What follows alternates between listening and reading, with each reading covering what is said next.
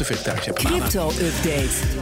We gaan naar Herbert Blankenstein, presentator van BNR's Cryptocast. Ons programma over bitcoin en andere digitale coins. Herbert, wat zit er bij jou in de kruidenmix vanmorgen? De kruidenmix. Nou, ik weet het niet, maar ik ga wel dat broodje bal halen zo direct. Want ik heb dat rijbewijs ook. Ja, ja, ja, ja, ja. Wat goed. Niet de vegetarische empanada. Ik, ik rijd geen vrachtwagen, maar het, het schijnt dat dat rijbewijs voldoende is, hoor ik absoluut. Je kan- Dus, eh, ja. laat ik niet aan mijn Herbert die hackt het systeem weer gewoon. Ja, goed, hè? Zo is dat. Het digitaal kunstwerk van Ross Ulbricht, de veronderstelde baas van de illegale markt Silk Road, staat op het punt te worden geveild voor bijna 6 miljoen dollar. Wat is dat dan? Nou ja, Ulbricht, weet je nog, hij zit gevangen voor het run- runnen van Silk, Silk Road. Road, ja, precies. Ja, oh, dat zeg je net zelf, dat is waar. Ehm, eh, dat was een site op het dark web waar drugs en wapens en zo te koop waren. Werd afgerekend in bitcoin. En Silk Road heeft echt wel een rol gespeeld in het bekendmaken van cryptovaluta. Nou, ehm, goed om even erbij te zeggen dat Ulbricht die koopwaar niet zelf verkocht. Het was een marktplaats, hè. Eh, iedereen kon daar zijn eigen spullen verkopen. En Ulbricht heeft bovendien altijd ontkend dat hij de baas van het zaakje was. Dus dat zijn de omstandigheden. Ja, nou zit hij negen jaar al in de bak, veroordeeld tot twee keer levenslang zonder mogelijkheid tot vervroegde uitlating. Dus een vrijlating. Dus hij zit echt gewoon vast. Maar hij maakt dus kunst, begrijp ik, wat nu geveild dreigt te worden, zei ik al. En een van zijn werken, ehm, titel is Perspective. Je, ziet allerlei ogen in elkaar verweven. Dat is onder de digitale hamer op de website superrare.com. Dat is een veilingssite voor NFT's, je weet wel, hè, die non-fungible tokens. Ja. Eh, waar er maar één van eh, zijn elke keer. Ja. Eh, en dan heb je dus het origineel van de kunstenaar zelf. Mhm. De veiling is over ongeveer drie kwartier afgelopen. Ik zit er nu naar te kijken. Het Ja. laatste bod is 1314 ether. Even kijken, ja, dat is nog steeds zo. Ehm, en als je dat omrekent bij de huidige koers van 4400 dollar, is dat bijna 6 miljoen. Oké, leuk. Zit je, met, Perspective. zit je met 6 miljoen, zit je nog steeds levenslang in de bak. Wat, wat moet hij ermee? Ja.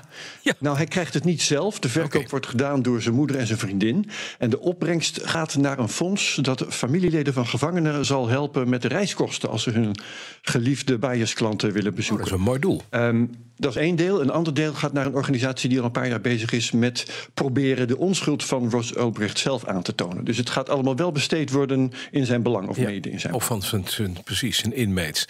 Dan even naar iets anders. Eh, Bank of America is eh, positief over de mogelijkheden van crypto in het metaverse. Ja, Bank of America is niet de eerste die dat doet. Twee weken geleden was het crypto-beleggingsfirma Grayscale die het metaverse zat op te hemelen. Volgens sommigen is dat de opvolger van het internet. Hè. Dingen als plaats, ruimte, drie dimensies spelen dan allemaal een rol. En Grayscale is een fonds dat alleen al aan bitcoin meer dan 30 miljard dollar beheert. Dus dat zijn geen kleine jongens. Nee.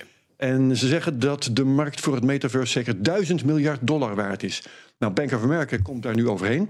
En het is wel interessant, want het is een bank en geen crypto. Ja, precies. Ja. Een hoge official van Bank of America zegt, zonder dat ze nou bedragen noemen, dat het metaverse een grote kans is voor de acceptatie van crypto.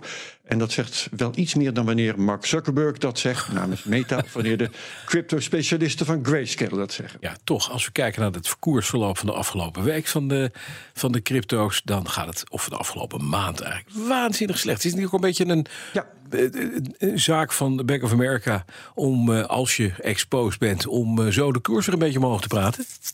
Ja, ik weet niet hoe exposed ze zijn. Ze hebben zich wel positief uitgelaten over eh, crypto. Maar dat ze nou voor hun business daarvan afhankelijk zijn. of dat ze grote kapitalen aan crypto beheren. dat geldt niet voor Bank of America. Wel voor Grayscale bijvoorbeeld. Dan even naar meneer Satoshi, die eigenlijk Craig Wright heet. De man die beweert dat hij de uitvinder van de bitcoin is. Ja, want hij, hij zou Satoshi moeten zijn, zegt hij zelf. Hij heeft een rechtszaak gewonnen en daar veel geld mee verdiend volgens mij.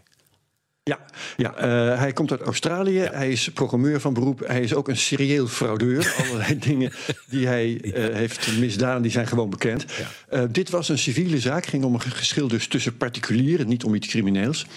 En hij stond tegenover de nabestaanden van een vroegere compagnon, Dave Kleiman. En die nabestaanden eisen van Wright eisten de helft van zijn bitcoins, omdat hij die mede te danken zou hebben aan het werk van hun dode Dave.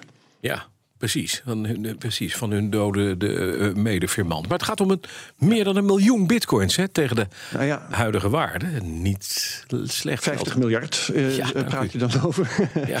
En het rare aan deze zaak, dat beide partijen dit voor waar aannamen. Hè, dat, terwijl het in de bitcoinwereld eigenlijk algemeen als een leugen wordt beschouwd. Dat Wright die miljoen bitcoins heeft. Mhm. Ehm, eh, als dat zo was, had hij dat heel makkelijk kunnen aantonen met blockchain-informatie. of door van bepaalde adressen bitcoins eh, over te maken, bij wijze van test. Heeft hij nooit gedaan. Maar goed, daar heeft een jury zich nu over uitgesproken. Die vindt niet dat Wright 25 miljard aan de erven van zijn compagnon hoeft af te staan. Mhm. Wright zal nu beweren dat uh, vaststaat dat hij Satoshi is, maar er is beslist geen uitspraak over gedaan. Hij moet wel intussen 100 miljoen betalen aan de vroegere gezamenlijke onderneming van hemzelf en David Kleiman. Want hij heeft intellectueel eigendom geschonden. Oh. En hoe die aan dat geld moet komen is de vraag. Want eigenlijk gelooft niemand dat hij zelfs maar 100 miljoen heeft. Nee. Maar ik denk dat we daar dus een uh, ver nieuw vervolgverhaal over krijgen. met heel veel rechtszaken over en weer. Ja, Want daar is hij in gespecialiseerd. Ja, daar moet, je nog, daar moet je nog hard voor frauderen om 100 miljoen bij elkaar te krijgen. Ja, zeker. Nou ja, uh, in frauderen is hij wel goed, maar het komt meestal uit. Dat is het lastige. Dat is enige jammer. Maar hij is altijd goed voor spannende verhalen. Dus uh, we blijven hem volgen. Dankjewel. Op weg naar je broodje bal. Dankjewel. Herbert Blankenstein. Alle afleveringen van de CryptoCast, ook het gedeelte dat we uitzenden, te beluisteren via de BNR app, bnr.nl of je favoriete podcast app. Rijden, tanken, broodje bal.